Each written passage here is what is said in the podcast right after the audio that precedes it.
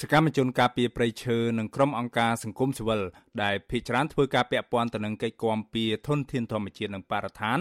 ព្រួយបារម្ភថាប៉ះសិនបើករណីនេះស្ងប់ស្ងាត់ឬគ្មានចំណាត់ការច្បាស់លាស់ណាមួយពីរដ្ឋាភិបាលនោះទេនោះអ្នកពាក់ព័ន្ធនឹងអាជ្ញាធរដែលប្រព្រឹត្តអំពើពុករលួយអាចនឹងរួចខ្លួនហើយបាតុភិបនេះនឹងនៅតែបន្តកើតមានដដែលធ្វើឲ្យប្រៃឈើកាន់តែបាត់បង់ ក្រុមអង្គការសង្គមស៊ីវិលដែលចេញសេចក្តីថ្លែងការណ៍រួមនេះរួមមានសមាគមបណ្ដាញយុវជនកម្ពុជាហៅកាត់ថា CYN បណ្ដាញអ្នកការពារបរិស្ថានអាស៊ីប៉ាស៊ីហ្វិកមជ្ឈមណ្ឌលសម្រាប់ក្តីកង្វល់បរិស្ថានហ្វីលីពីន និងអង្គការលីកាដូជាដើមក្រុមអង្គការទាំងនេះមានកង្វល់ជាខ្លាំងក្រោយទទួលបានព័ត៌មានថានាយកដ្ឋានគយនឹងរដ្ឋកោនៃរដ្ឋបាលហុងកុងឲ្យដឹងថាសមាជិកហុងកុងបានរឹបអូសកំណាត់ឈើកម្រជិតផុតពូជ ជាង200តោនមានតម្លៃ140,000ដុល្លារឈើទាំងនេះមន្ត្រីគយហុងកុងបានរកឃើញពីក្នុងទូកុងតឺន័រ7ទូក្រោយពីបានទម្លាក់ក្នុងបរិវេណការិយាល័យគយស្វ័យជុងនិងស៊ីនយីកាលពីចុងខែមេសាដល់ដើមខែឧសភាកន្លងទៅនេះឈើទាំងនេះជារុក្ខជាតិកម្រនិងមានតម្លៃខ្ពស់នៅលើទីផ្សារអន្តរជាតិក្នុងរយៈពេល5ឆ្នាំចុងក្រោយនេះ មន្ត្រីជាន់ខ្ពស់ផ្នែកតស៊ូមតិនៃសមាគមបណ្ដាញយុវជនកម្ពុជា CYN លោកសាន់ម៉ាឡាស្នើអរដ្ឋាភិបាលបង្ហាញគោលជំហរច្បាស់លាស់អនុវត្តច្បាប់លើអ្នកពាក់ព័ន្ធដើម្បីធានាថាក្រិតកម្មឈើឆ្លងដែននឹងមិនកើតមានជាថ្មីទៀតនោះទេលោកថាការអូបន្លាយពេលមិនវែកមុខរកអ្នកពាក់ព័ន្ធឲ្យមកទទួលខុសត្រូវក្នុងរឿងនេះឆ្លុះបញ្ចាំងថាអាញាធរដ្ឋាភិបាលគ្មានឆន្ទៈដោះស្រាយបញ្ហានេះ រត់ពន្ធឈើឆ្លងដែនពីកម្ពុជាទៅក្រៅប្រទេសនេះសបញ្ជាក់ឲ្យឃើញថារដ្ឋាភិបាលកម្ពុជាពុំមានសមត្ថភាពគ្រប់គ្រាន់នៅក្នុងការគ្រប់គ្រងនិងថែរក្សាធនធានធម្មជាតិដ៏មានតម្លៃរបស់ប្រទេសកម្ពុជារបស់យើងទេដូច្នេះខ្ញុំសូមឲ្យរដ្ឋាភិបាលធ្វើការកែតម្រង់និងដាក់ចេញនៅផែនការសកម្មភាពឬក៏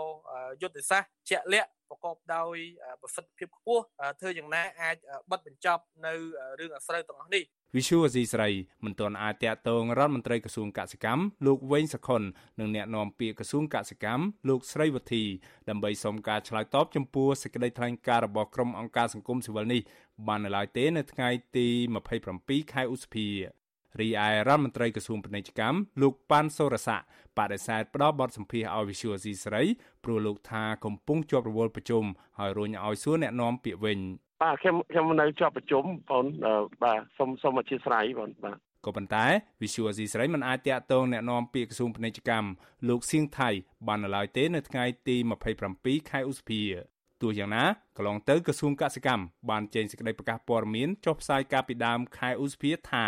រយៈពេល5ឆ្នាំមកហើយដែលក្រសួងពុំបានរៀបចំឯកសារឲ្យក្រុមហ៊ុនណាមួយនាំចេញឈើទៅកាន់ទីក្រុងហុងកុងឬក្រៅប្រទេសនោះឡើយក្រសួងបញ្ជាក់ថាប៉ះសិនបើកើតមានករណីរត់ពន្ធឈើឆ្លងដែននោះគឺជាចំនួនឈើខុសច្បាប់ហើយអាជ្ញាធរត្រូវតែស៊ើបអង្កេតនិងកំណត់មុខសញ្ញាអ្នកពាក់ព័ន្ធឲ្យមកទទួលខុសត្រូវចំពោះមុខច្បាប់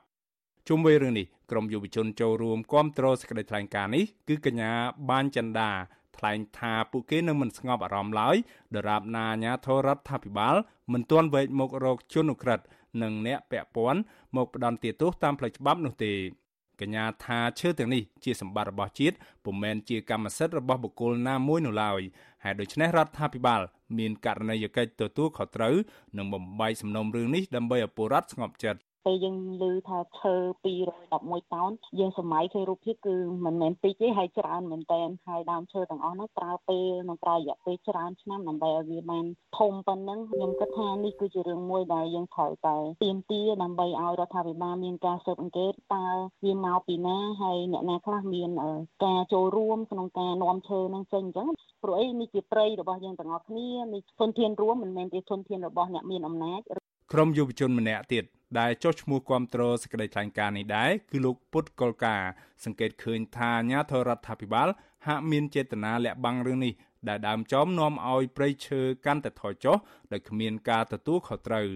លោកសង្កេតឃើញថាអាញាធរដ្ឋមានចេតនាបណ្តែតបណ្តោយឲ្យកើតមានករណីនេះឡើងព្រោះការនាំឈើទ្រង់ទ្រាយធំបែបនេះនឹងមិនអាចកើតមានឡើងបានឡើយដោយគ្មានការអនុញ្ញាតពីមន្ត្រីគយនិងសមាជិកកម្ពុជា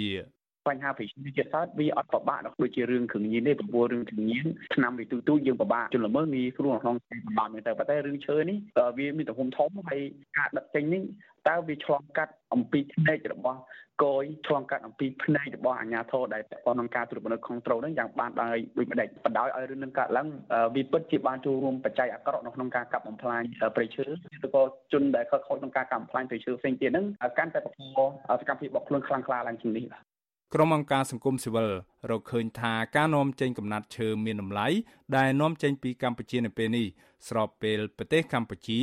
បានបាត់បង់គម្របព្រៃឈើប្រមាណកន្លះលានហិកតា ដែលស្មើនឹងប្រមាណ7.12%នៃតំបន់ការពារធម្មជាតិរបស់កម្ពុជា ក្នុងចន្លោះពីឆ្នាំ2001ដល់ឆ្នាំ2018ខ្ញុំបាទមេរិត Visual Asia ស្រីរាយការណ៍ពីរដ្ឋធានី Washington